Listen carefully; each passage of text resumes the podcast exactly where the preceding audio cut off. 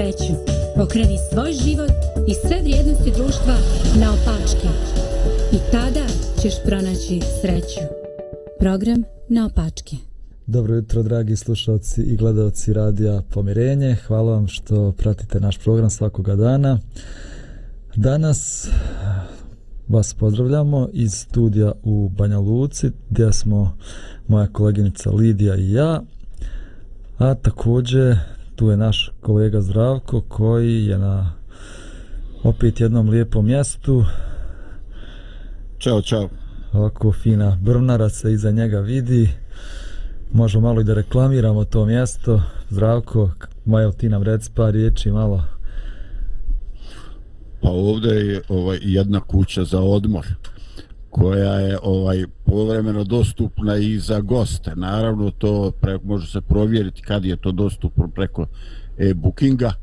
A ovaj nalazi se dosta blizu jezera Balkana. Ovaj i zaista mikroklima je uh, predivna, znači velika nadmorska visina i dole kad kad nam ovaj u gradu, u Valja Luci ili nekom drugom gradu na asfaltu trebaju škrge da bi disali, ovdje su čak i noć prihvatljive ovaj dakle definitivno ovaj e, sav, sve što je potrebno da bi se provelo neko vrijeme i da bi se čovjek revitalizovao i odborio e, možemo ovdje naći na sunčevom brijegu na Balkani. Super. Sad baš ovo što spominješ, disanje na škrge. Sad me zanima me, jel se pokrivaš po noći, ovaj, pošto je sinoć sam ja, ja baš vruće. Kod nas bilo 28 stepeni u stanu. Ovaj sinoć ne može se pokrivati uopšte. Božidare, ja imam princip, pošto ovde šuma se vidi kroz prozor, a prozor je otvoren, ovaj, i mene je žena naučila da pokrivam sam bubreg. No, to je dobar princip, da, to i ja radim kad je vrućina. Da, samo kaže se da, je, da su bubrezi ovaj, organ koji osjetljiv na pothlađivanje, a ovdje noć može biti svježa ovaj, na odvoj nadmorskoj visini. Dakle, malo bubrege i to je to, dovoljno sasvim. Dobro, važi, evo ko je, ko god želi na sunčani brijeg drvnara, vel, možda kažemo i to 27 kreveta, u toj brvnari na više spratova tako da eto možete čak i da pišete nama ovdje u naš, našu stranicu internet radio pomirenja pa ćemo vam izaći u susret kad budete htjeli da se odmarite. Dobro danas ćemo razgovarati o nečemu što svi mi ljudi priželjkujemo svi mi želimo da se mijenjamo da budemo drugačiji jer nam često dosadi ovaj naš život i kažemo kako bih volio da mogu da okrenem novi list, kako bih volio da budem neki, neka nova osoba. Pa evo ispričat ću vam ja jedan događaj iz mog života. Tako sam ja prije nekih 20 godina čitao evanđelja. I tamo čitamo Isusovom životu i kako je on živio životom ljubavi. I onda on tamo piše, ljubite neprijatelje svoje. Kad vas neko udari po jednom obrazu, vi okrenite drugi obraz. A još tada sam čitao i braću Karamazove i tako sam bio oduševljen Aljošinim životom. On je baš onako živio život ljubavi. I onda ja kažem sebi, e pa ja hoću ovako da živim. To je rješenje za sve moje probleme. Tako treba da se živi. I dam sebi obećanje, sad ću ja ovako da živim. Da volim svoje neprijatelje, da okrenem drugi obraz. I odim na futbal i nije prošlo dugo stvarno tog mog obećanja ja, mene stvarno neko ošamari na futbalu. I ja... Pravi test. Da, da, pravi test. I odjednom u meni adrenalin počne da radi. Ljutnja, bijes, šake mi se skupile, ma hoću da ga tresnem, ali onda se sjetim šta sam obećao sebi i suzdržim se i ne tresnem ga. Pa šta mislite, jel vam to liči na neki novi život, pobjedonosni život, pravu transformaciju? Na dobrom si putu. Pa ja bih isto tako rekla na dobrom si putu. Zato što taj, taj, život, taj život je neka amplituda, znaš. Ne, ne mislim ja da smo mi kad, kad tako ovaj, recimo donesemo neke dobre odluke. Mislim da smo mi samo ljudi i da padamo nekad Ovaj, ali onako ako idemo amplituda, ako se penje na gore, pa čak i kad bude padova, nije to, rekla bih, ne da nije strašno, nego to je ljudski. Ovaj, pa ajde, da ćemo baš da razgovaramo o tome. A, meni to nije izgledalo kao neki novi život, jer sam ja bio toliko pun ljutnje i pun tog bijesa i ja sam jasno, ja sam želio da, da vratim milo za drago, ali eto, suzdržao sam se nekako, ali nije mi to izgledalo baš kao taj neki novi život koji sam ja priželjkivao. A, pa evo, ne znam, vjerovatno se i vi nekad frustrirate želj, željom, želite da se promijenite, date sebi neka obećanja, a onda opet stalni neuspjesi da to održite. Eto, ne znam da li sam ja jedini koji se borim s tim ili vi imate isto tako neka, neke frustracije. Boždare, a ovaj, jel, jel ti misliš da bi to bilo ovako o, prirodno ovaj, da se na taj a šamar, ako sam dobro razumio, popio si? Ovaj, bi, misliš da bi to bilo prirodno da si ti se nasmiješio i pitao, Bura, šta to bi, ej, ovaj, jel ti se ote šta to bi? Ovaj, jer, jel misliš da je to neprirodno stanje da se čovjek na neki takav bezobrazluk ne, ne, ovaj, ne zgrozi? Mislim, on nismo razbio glavu, to je lijepo sasvim, ali... Pa, znaš nisam. kako, ja, da, um, evo, ne znam ja šta, ali ja kad sam čitao o Aljoši, to za Aljošu bi bilo prirodno. Ja sam želio da tako živim i ja, da to meni bude prirodno, da ja prirodno okrenem drugi obraz, da prirodno volim ne, neprijatelje, ne da moram sebe da tjeram, ovaj, da. prisiljavam. Hmm, hmm, hmm. Ali imam jako puno ljudi, ovaj, puno, ne znam, jer jako puno, ovaj, e, ljudi koji bi takav razvoj događaja jedva dočekali, ovaj, e, da mogu nekažnjeno da da isprazde svoje frustracije. Ovaj, I mislim, kada se okrene drugi obraz, ono da bi se on, da bi on pomislio, vidi kretena, evo vidi, sam traži, hoće još, i onda bi došao drugi, treći udarac, možda cipelarenje i tako. Ovaj, e, tako da, ne znam, evo, posle svih ovih godina, ja baš nisam siguran šta da mislim. Ali dobro, možda i to doprinose emisije, razumiješ? Ne, ne dajem odgovore, nego postavljam pitanje. Evo kako ja razmišljam, recimo, m, postoje neke m, stvari sa kojima se ja uopšte ne moram boriti, meni su prirodne. I uopšte nemam problem sa nekim stvarima.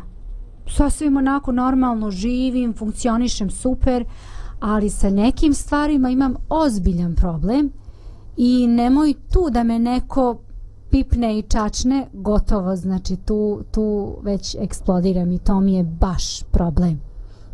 Tako da ja mislim da, um, ne znam, ovaj, možda, možda Aljoša nije imao taj problem, možda se on borio sa nekim drugim stvarima, da ga je neko možda da mu je našao tanak živac, ovaj, možda bi on... E, ne, e, razmišljam sad a, samo o toj nekoj ljudskoj strani i o tome kako mi kao ljudi m, reagujemo iako želimo da, da, da donesemo neke dobre odluke i dobre stavove i želimo da zauzmemo, ali nisam baš sigurna da smo spremni da um, i da, da će se u svakoj situaciji ta naša odluka do kraja I u svakoj ispuniti. oblasti, Lidija, zar ne? E, I u svakoj to. oblasti, da.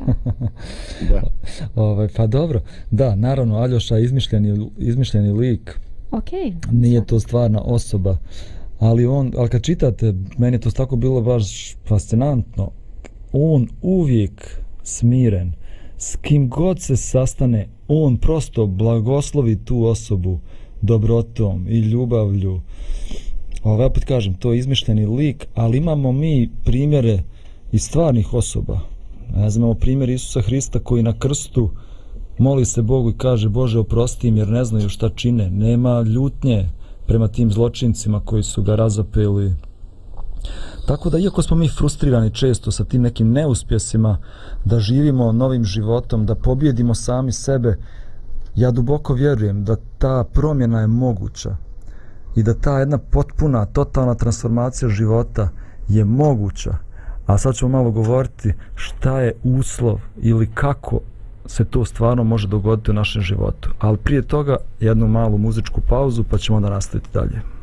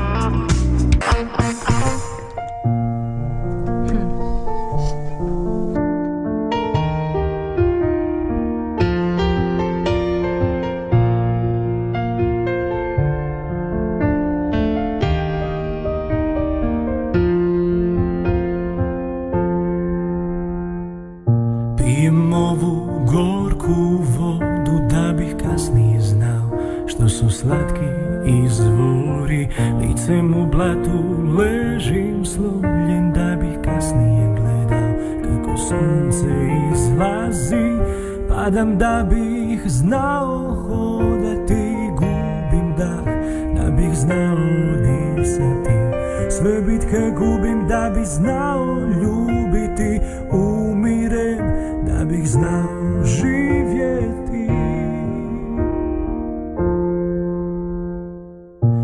Tuđim stazama lutam sada da bih kasnije znao Što su pravi putovi. U ovom trenu sam ovo što jesam Ali znam ti poznaš što bih mogao postati. Na isti kamen se uporno spotičem Al sad znam da ga trebam maknuti. Ne mogu pobjeći ni sebe zaobići sa sobom. Treba učiti živjeti promijeni me.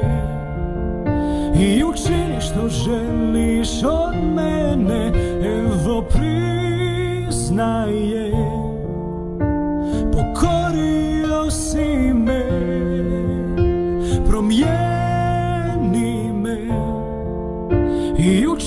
što želiš od mene Evo priznaje.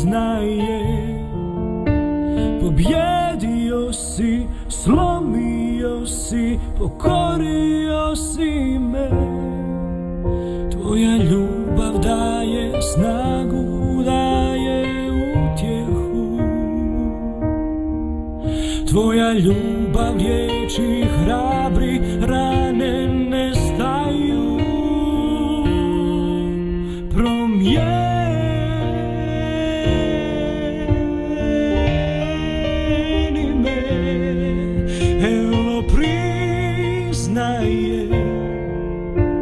Pokorio si me, promijeni me I učini što želiš od mene.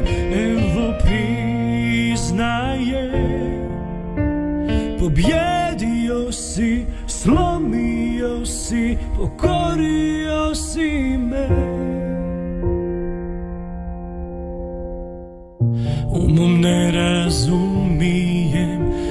Srce mi čini se sve to polako prihvaća, jer ti si u njemu prisutan i tako si živ i tako te osjećam. Evo nas ponovo uživo u, stud, u emisiji koja govori o promjeni života, totalnoj transformaciji. Govorili smo malo o našim neuspjesima da doživimo tu promjenu u životu, ali ja sam rekao na kraju ovog prvog segmenta da stvarno vjerujem da je jedna potpuna promjena, transformacija života moguća. Sad ćemo govoriti malo o tome kako je moguće da se to dogodi u našem životu. I sam naslov ove emisije govori o uslovu koji je neophodan za totalnu transformaciju. Evo želim da vam pročitam jedan citat koji kaže ovako. Duhovni život nije modifikacija ili poboljšanje starog, već transformacija prirode, smrt sebi i grijehu i novi život u potpunosti. Ova promjena može biti sprovedena samo efektivnim djelovanjem Božjeg duha. I ovo mi, ova rečenica i ovaj citat mi je bio zanimljiv zato što na početku se kaže da taj duhovni život nije modifikacija ili poboljšanje staroga. Šta mislite vi, zašto to nije modifikacija ili poboljšanje starog? U čemu je problem kada mi želimo da poboljšavamo staro? Da modifikujemo sebe, poboljšavamo sebe? I zašto to nije put za totalnu transformaciju?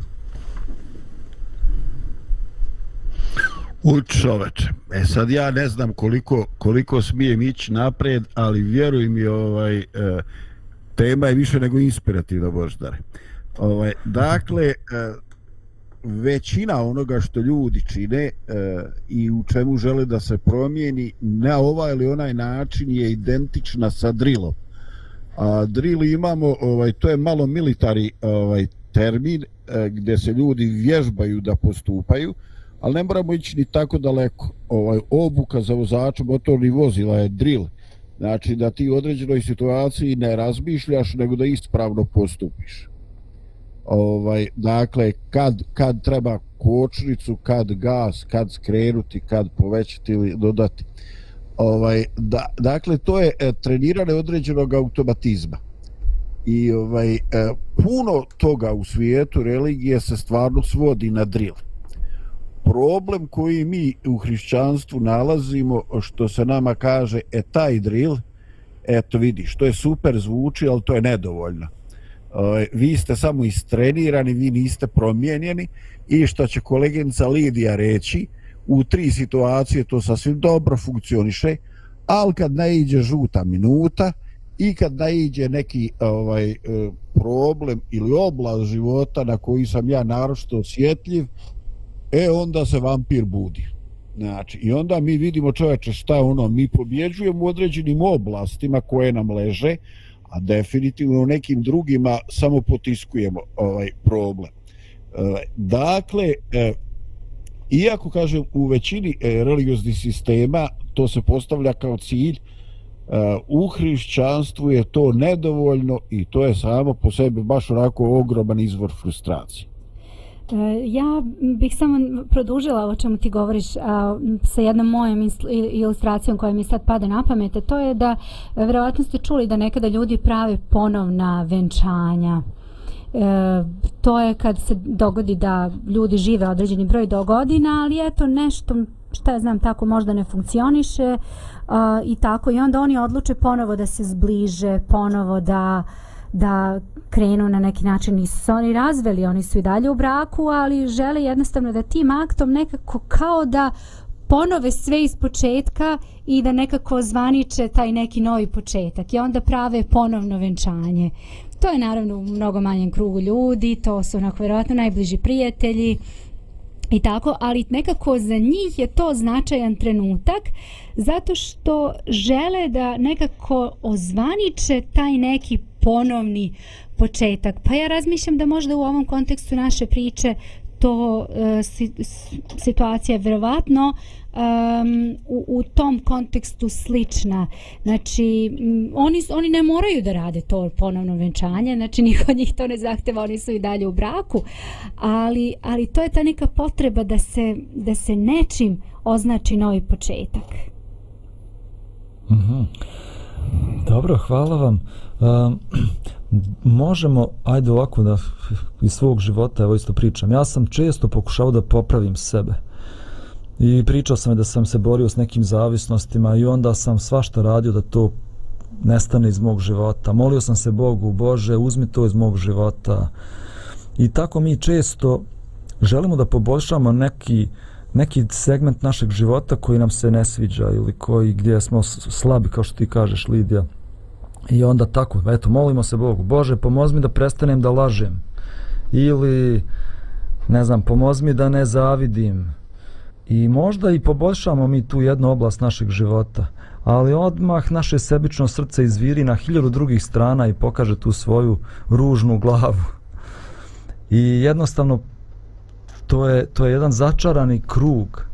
Ako pokušavamo da nekad smo govorili ono drvo koje ima rodove loša, ako poboljšavamo jabuke, loša jabuka i mi hoćemo jabuku da poboljšamo, a ne shvatamo da u stvari ta loša jabuka dolazi iz lošeg drveta, iz korijena drveta, iz stabla drveta koje je bolesno. Tako da poboljšanje sebe nije put ka jednoj potpunoj, totalnoj transformaciji, već nešto drugo treba da bude put. Evo jedan tekst baš jako zanimljiv tekst iz svetog pisma koji kaže ovako, sam Isus je ovo rekao, zaista, zaista vam kažem, ako pšenično zrno ne padne u zemlju i ne umre, ostaje samo jedno, a ako umre, donosi mnogo roda. Meni je ovo stvarno bio jedan mm -hmm. totalno fascinantan tekst. Kaže, ako zrno pšenično ne padne u zemlju, ne umre, ostaje samo jedno ja mogu zrno pšenice da držim u kuhinji na polici i ono će uvijek da stoji tamo i uvijek će biti samo jedno. U piramidi. Hiljadu godina. Da. da, ali ako ga stavim u zemlju i ako simbolično to zrno umre i tamo sahranim ga u zemlju ono tada nikne i donosi mnogi rod Ove, negdje sam pročitao negdje sam pročitao da najvrijednija ogrlica na svijetu neka dijamantska ogrlica vrijedi 55 miliona dolara a šta mislite šta je vrijednije zrno pšenice ili ta dijamantska ogrlica Zavisi koga pitaš. A, pa da si rekao vreć pšenice, nemoj mi majke, šta ti jednim zrno? Da, bar da imaš njivu da posiješ. Aj daj, makar vreć pšenice pa da pregovaramo. Da. um, da, da. Pa, vidi, u ovom kontekstu... Potencijalno od jednog zrna imaš vreću. Ali mislim za dvije, tri godine, je li tako? Za jednu godinu možeš dobiti jedan klas. To je nekih, ne znam, 30-40 zrna, nemam pojma, nikad nisam, nikad nisam brojao. Da, ta ogrlica služi kome? Pa služi svome vlasniku i to je to. Znači, vlasnica verovatno će možda nekad staviti jednom, dva puta u životu s obzirom na svoju vrednost. Verovatno neće ni naći puno mesta na vratu te osobe ove, da se pronosa. Na kraju krajeva možda ljudi neće ni znati koji budu rekad videli tu ogrlicu, njenu stvarnu vrednost. Jer dobro, ok, fina ogrlica, lepo izgleda, ali dobro, niko nema nikakve koristi od toga. A pšenicu ako poseješ i ona izraste, onda možeš da nahraniš ne samo sebe, nego i druge ljude. Možeš i da zaradiš od toga, da možeš da svoju porodicu nahraniš. Znači, e, poenta je u tome e, da li si okrenut sebi ili si okrenut drugima. Mhm. Tako ja pa vidim. Pa dobro, dobro, ali ja govorim je stvarnoj vrijednosti. Ove, zato što eto, ta ogrlica vrijedi 55 miliona dolara, zove se nešto neuporediva, tako ne ta najskuplja ogrlica, dijamantska, 55 miliona dolara. I stvarno, ako, ako mi gledamo danas vrijednost jednog zrna pšenice i te ogrlice, naravno da ogrlica vrijednija. I ako gledamo za 100 godina, ako ta ogrlica, ako stavimo jedno pored drugog i za 100 godina isto će ta ogrlica biti daleko vrijednija nego samo jedno zrno pšenice. Ali ako zrno pšenice stavimo u zemlju za 100 godina, to jedno zrno pšenice može donese tolika, toliki rod da obuhvati jednu cijelu državu, možemo reći.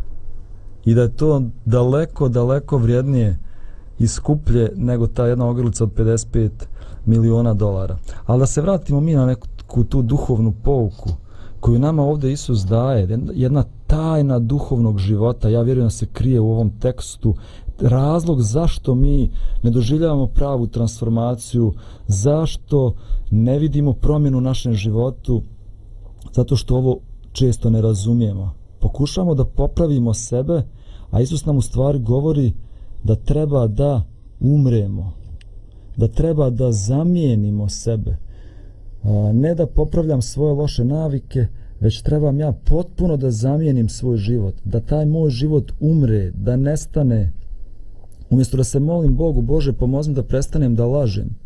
Ja bih u stvarnosti trebao da se molim Bogu svakog dana, Bože, pomozi mi da ja umrem danas, da ja umrem sebi, da ja umrem svim svojim ambicijama, svim svojim težnjama, svim svojim željama, da bi ti mogao da mi daš jedan novi život koji će biti usmjeren, kao što ti Lidija rekla, na druge ljude, na njihove potrebe, na njihove želje, na njihove ambicije, da budem istinski sretan što mogu da služim njihovim potrebama. Jer dok god mi imamo problem sa našim egom i sa našom sebičnom prirodom, nema nikakve promjene, nema nikakve transformacije u našem životu, u smislu duhovnog rasta. Ne znam da li se slažete sa mnom. Eto Bozo, bar mogu reći da sam ovaj da, da sam napokon malo o, ne malo nego da sam da se osjećam bolje.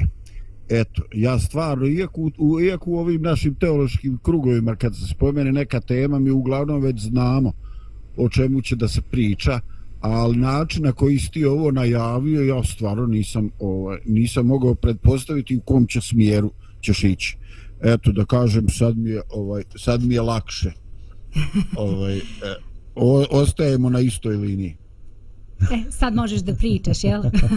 da se Da. uključiš. Ovaj, da, pa sad sam slobodan. Znate šta, ovaj, e, o, kad govorim uopšte o fenomenu svetske religije, ovaj, e, onda imamo jedan pojam e, koji je metodologija. Ovaj, e, to se odnosi na veoma veliki e, broj stvari u ljudskom životu. Znači, ima način, ima metod kako se nešto postiže. Dakle, imaš cilj i onda ti je zanatski propisano koja je procedura.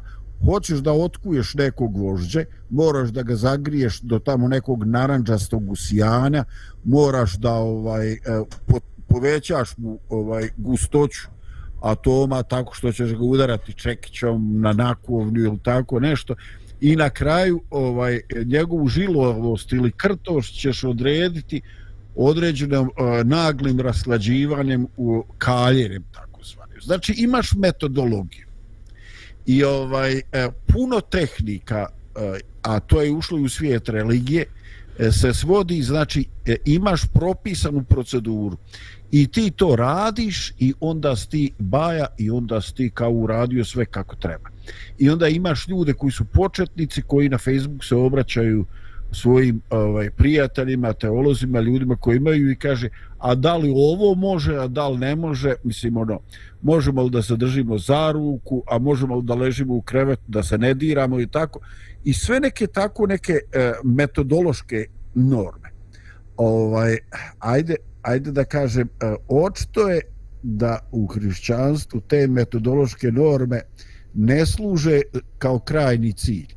E, moj dojam je da sve to što mi pokušavamo za cilj ima a, frustraciju u kojoj mi vidimo da ne može etiopljanin promijeniti svoju kožu i ris svoje šare. I upravo, upravo to, vrhunski cilj je ono možda što, što si ti nam već sugerišeš. A to je e, taj trenutak u kome čovjek doživi svoju ne samo frustraciju, nego totalnu beskorisnost i neupotrebljivost i kao takav se preda Božjoj milosti da od njega čini šta hoće. Pa jeste, apsolutno se to slaže sa onima čemu smo juče razgovarali, ovaj, kad sam ispomenula onaj stih, ja to često nekako spominjem u emisiji, ovdje nekako se baš dobro uklapa, gdje apostol Pavle u biblijskom tekstu kaže ja hteti imam u sebi, ali učiniti dobro ne nalazim i kaže ja o meni šta ću ja sad? Ja hoću da činim dobro, ali koliko god da ja hoću, ono sve zlo neko iz mene izlazi i ja ne znam kako da se izbavim od toga. E, I onda, Boždare, da. da, ali onda kaže tamo u nastavku, ali kaže, Hristos je onaj koji čini tu promenu u meni i to je u stvari ta suština, znači gde kaže ja više ne živim, nego živi u meni Hristos. E to je to o čemu danas govorimo. Znači, ta totalna E, to transformacija i promjena je upravo to da dozvoliš Hristu da on tebe menja. E tu je sad neka razlika između onih koji, koji veruju da može a, Bog sila od ozgo da menja čoveka i možda oni koji drugačije gledaju na, na to. Evo Boždare, moram da, izvoli, Zdravko. da ti otkrijem nešto. Ovaj, evo, juče smo imali jednu emisiju koju sam, e, ja sam je vodio i desilo se nešto jako interesantno. U jednom dijelu emisije ovaj, e, Lidija postavlja pitanja i ovaj odjedan put sam shvatio da smo postigli potpuno novi kvalitet. Znači, ovaj nismo imali osobu animatora, nego smo imali jedan živi dvosmjerni razgovor i ovaj eto, moram primijetiti da smo juče pomakli pomakli ovaj eh, pomakli smo granice i to je zasluža naša koleginica Lidija. A ja sam znači, se jednom baš... trenutku juče si Da. prevazišla sebe, hoću reći nas. Hvala Ovaj, ti puno ako je to ovaj, neki kompliment. Ja sam se baš zapitala u jednom trenutku juče, hm, da nisam otišla malo predaleko, ipak si ti taj koji postavlja pitanje. Onda sam rekla, hm, Ne, ne, više. ne, ne, ne, ovo je razgovor, ja baš hoću da kažem, baš sam se preslušavao, sam analizirao sam tehničke detalje i onda sam primijetio to i rekao sam, vau, vau, počašćen sam što sam u ovakvoj emisiji i ovaj i baš sam morao to da kažem. E sad sam morao ovdje ili u nekom užem krugu, ali ovaj, evo neki slušaoci znaju da ovaj posao ima i svoje zadovoljstva, da se mi nekad put osjećamo, ne samo reći obvezama, nego da osjećamo i radost kad nešto, kad nešto dolazi na veći nivo. Da, Lidija, znaš šta ja vidim? Da Zdravko priprema put da ti kaže kad nas dvojica odemo na godišnji odmor da ti možeš i sama da vodiš ove emisije. Pa ja vidim da nekako u tom pravcu ide. Ovaj, ali ne znam, ajde. Neću ništa da kažem. To ćemo internet. Dobro. Važi, ajde napravit ćemo jednu malu muzičku pauzu pa ćemo da nastavimo priču o promjeni. Može. Radio,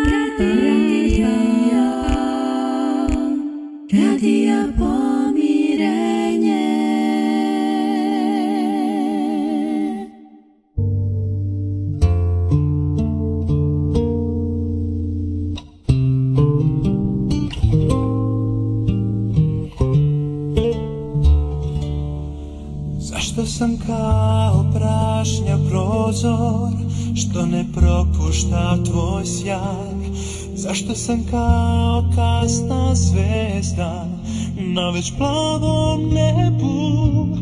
Zašto kad želim da ti dam moje srce kamen Da te ja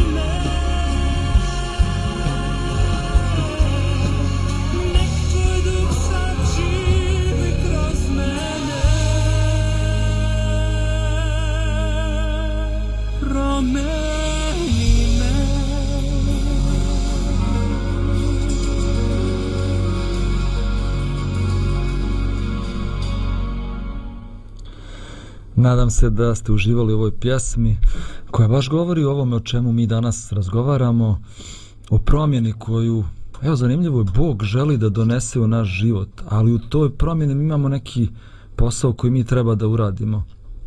I želim malo da se zadržimo na tome i da malo naglasimo to, jer sam već rekao da to je jedna od, od najvećih tajni duhovnog života kojeg, nažalost, mnogi ljudi ne razumiju. Uh, Pa evo još jedan tekst da vam pročitam, ima veze s ovim o čemu smo pričali, gdje kaže Isus ovako svojim učenicima. Ko hoće za mnom da ide, neka se odrekne sebe i uzme krst svoj ide za mnom. Jer ko hoće da sačuva svoj život, izgubit će ga. A ko izgubi svoj život, naći će ga. A, ne znam šta mislite, zašto Isus govori ovako nešto. Ko hoće za mnom da ide, taj mora da se odrekne sebe. Ili ne možeš biti moj učenik ako se nisi odrekao sebe. Mislim, zašto je to on tako rekao? Zašto je nemoguće biti njegov učenik ako se ne odrekneš sebe? Pa, um, zato što zato što smo mi ljudi a, skloni ka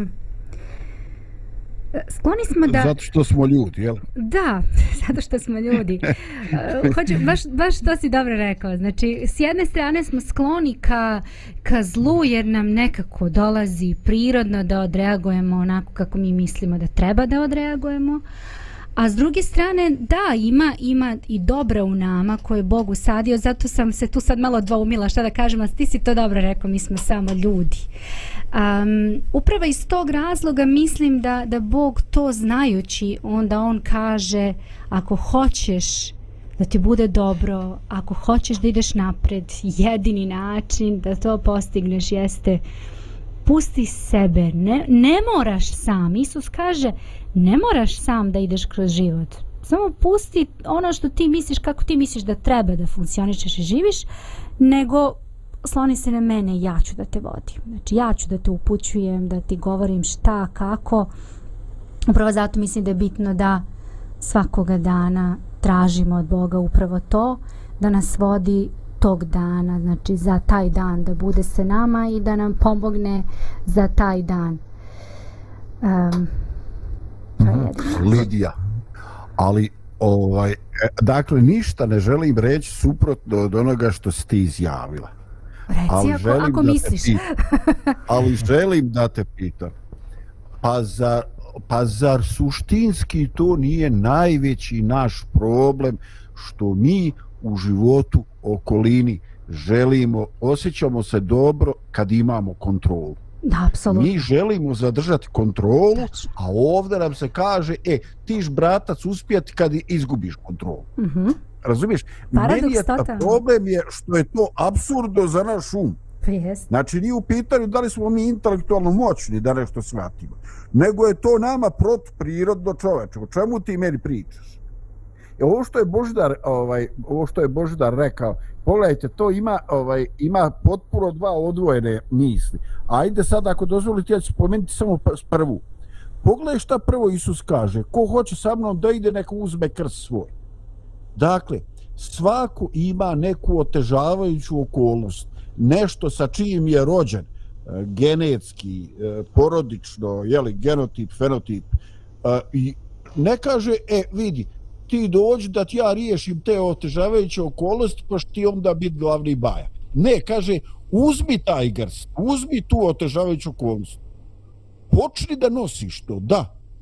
Možda imaš jednu kraću nogu, možda mucaš, a možda je upravo to što mucaš razlog da, da gospod od, od mucavog demostara napravi govornik. Razumijete? Mislim, mi to ne možemo. Znači, prva stvar je prihvati tu otežavajuću okolnost. A ako Bog bude htio, ona će nestati. Ali nemoj ti sada, ja bi u životu radio, činio, stvarao, bio kreativan, bio dobar, kad me ne bi u životu prećilo ovo i ono. Ne, kaže, uzmi krst svoj i kreni.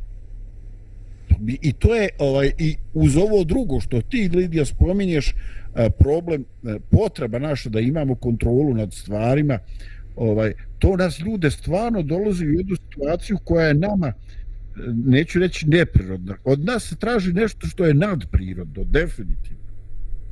Pa Zdravko, gde si bio pre 20 godina?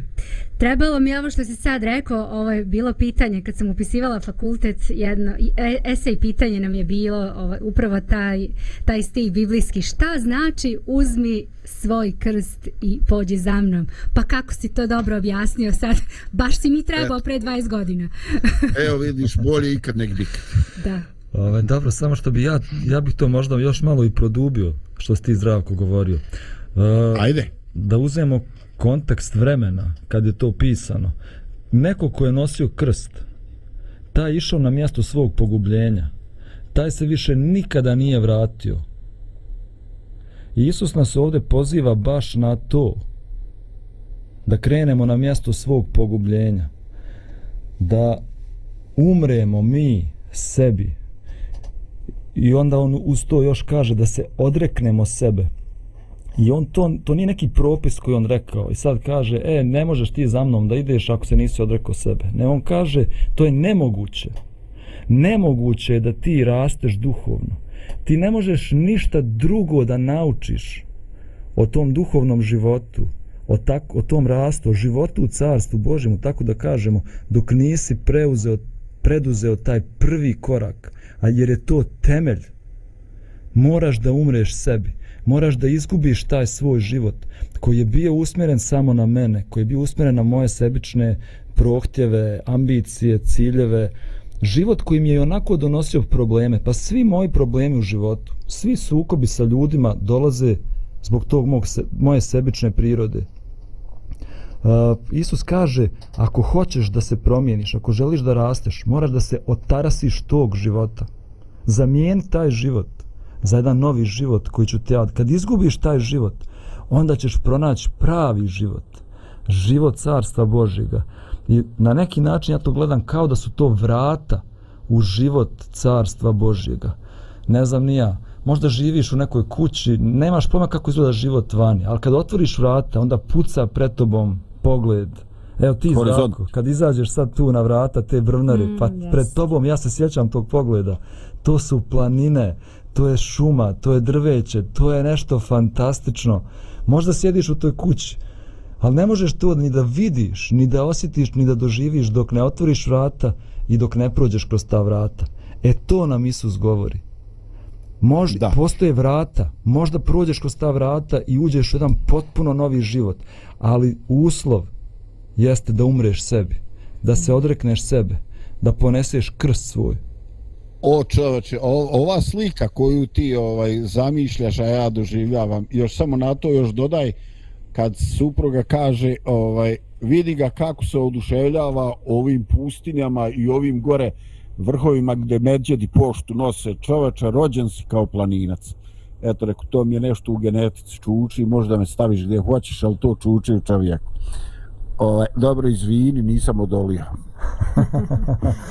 ne ne ne problema. Pa evo sad dolazim opet na priču o Aljoši.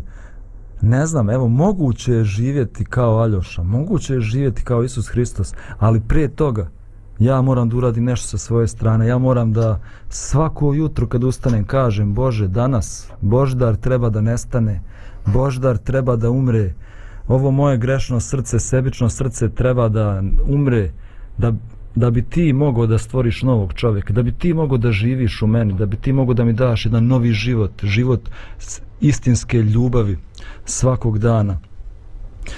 Čitao sam i bio sam čak šuma Yellowstone, nacionalni park u Americi, mm. ogromno prostranstvo šume, Uh, medvjedi, bizoni, stvarno fantastično ovaj, mjesto, fantastičan nacionalni park. Međutim, kad smo moja supruga i ja bili tamo negdje 2002. godine, ta šuma izgledala je kao čačkalice. Jer je prije toga bio neki veliki požar i ogromna šuma je izgorila. Znači, nekoliko miliona kvadratnih kilometara šume je izgorilo. To je zastrašujuće izgledalo. Znači, drveće kao čačkalice. Hmm. I onda sam tamo slušao jednog šumara koji je govorio da u stvari taj požar je nešto najbolje što je moglo da se dogodi toj šumi u Yellowstone. Zato što on kaže šuma se obnavlja kroz požare. Jer šišarke koje se nalaze na vrhu tog drveća, samo pod visokom temperaturom, kao što je tako požar neki veliki, uh, ispuštaju sjemenje. I onda to sjemenje padne dole na zemlju i onda se stvara nova šuma i obnavlja se šuma. I kaže nešto najbolje što moglo dogoditi za jelostan šumu je ovaj požar.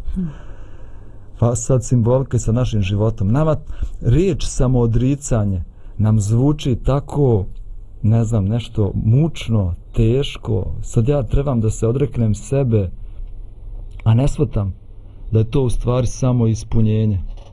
Da ću tada kad se odreknem sebe da pronađem pravi život koji Bog želi da nam da. Božo? Molim.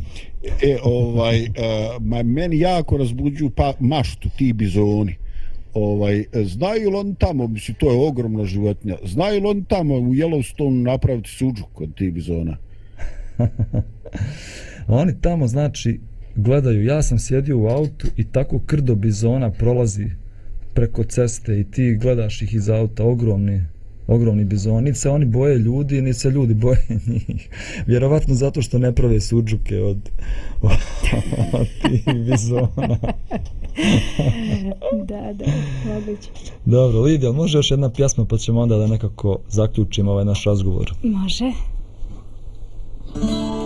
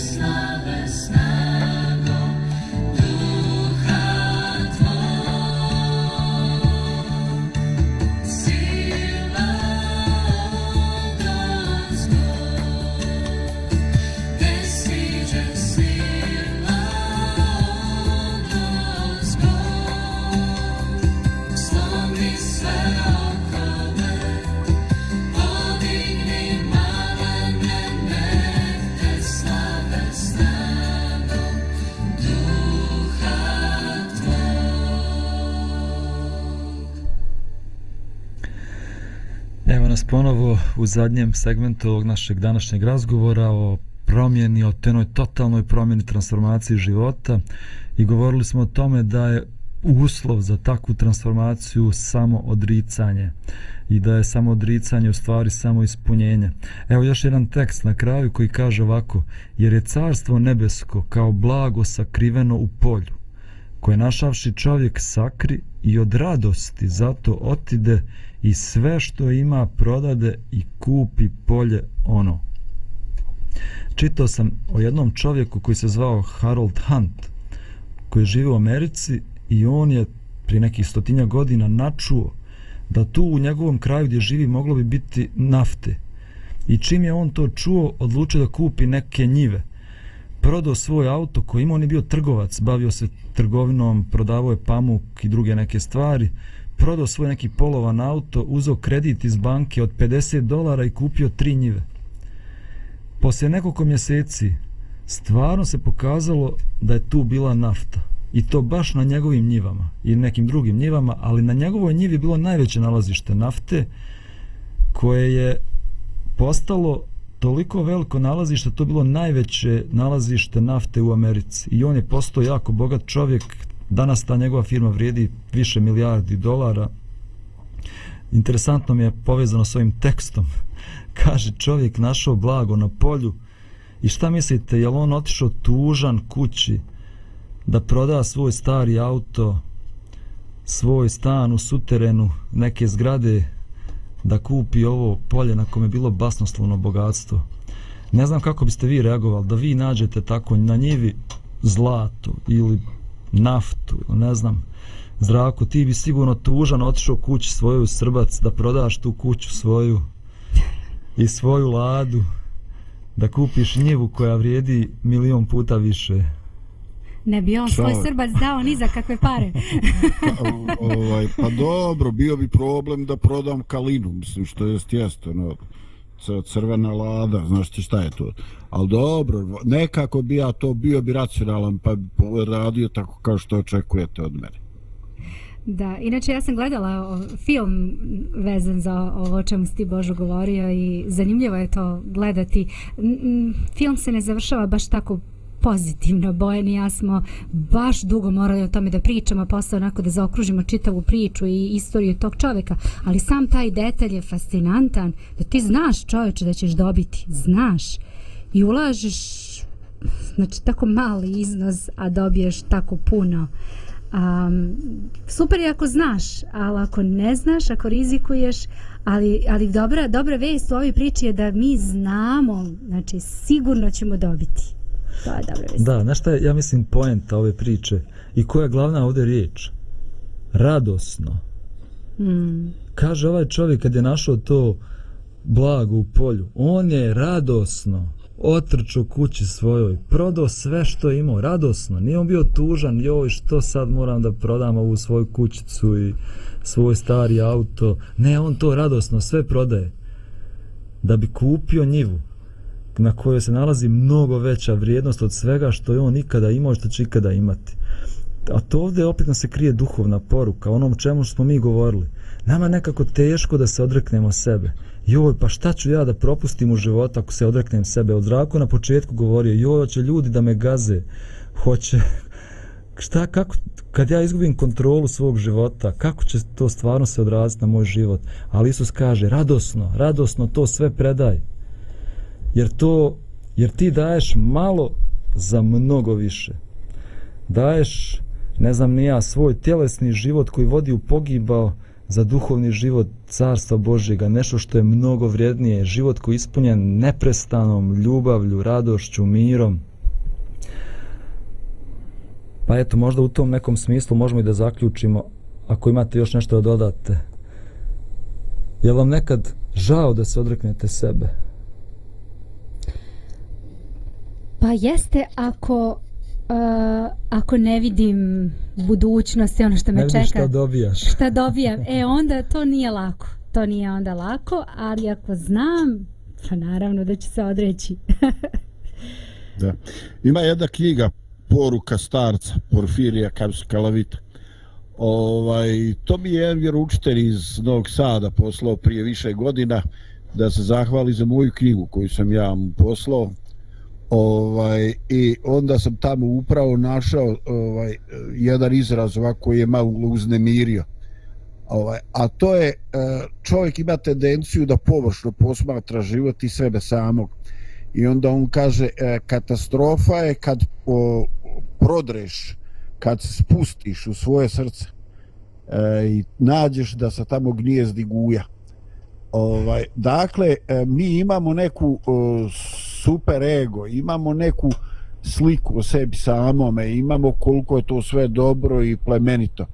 Ali ljudi koji su zaista moć, imali snage, smog snage da se sretnu, ovaj ponekad svjedoče da u ljudskoj prirodi ima dosta toga destruktivnog ne samo za okolinu nego za njih same i ovaj i upravo ta svijest čini da oni a, radosno E, traže od Boga da preuzme kontrolu da ih on e, nadahne da ih on vodi e, Bože da bude volja tvoja a ne ono što ja danas želim i tako jedno jednostavno shvatajući taj limit i svojih želja i našu nemogućnost da shvatimo šta nam stvarno donosi dugoročnu i trajnu radost. Pa evo možemo u tom duhu i da završimo ovu našu emisiju. Poruka svim našim slušalcima i gledalcima, otvori vrata, jer iza tih vrata se krije pravi život. Nešto što nikada možda nisi ni mogao ni da zamisliš. A ono što je samo potrebno jeste da zamijeniš svoj stari život da bi dobio taj novi život. Lijep pozdrav, slušamo se i gledamo ponovo sutra. Doviđenja. Pozdrav.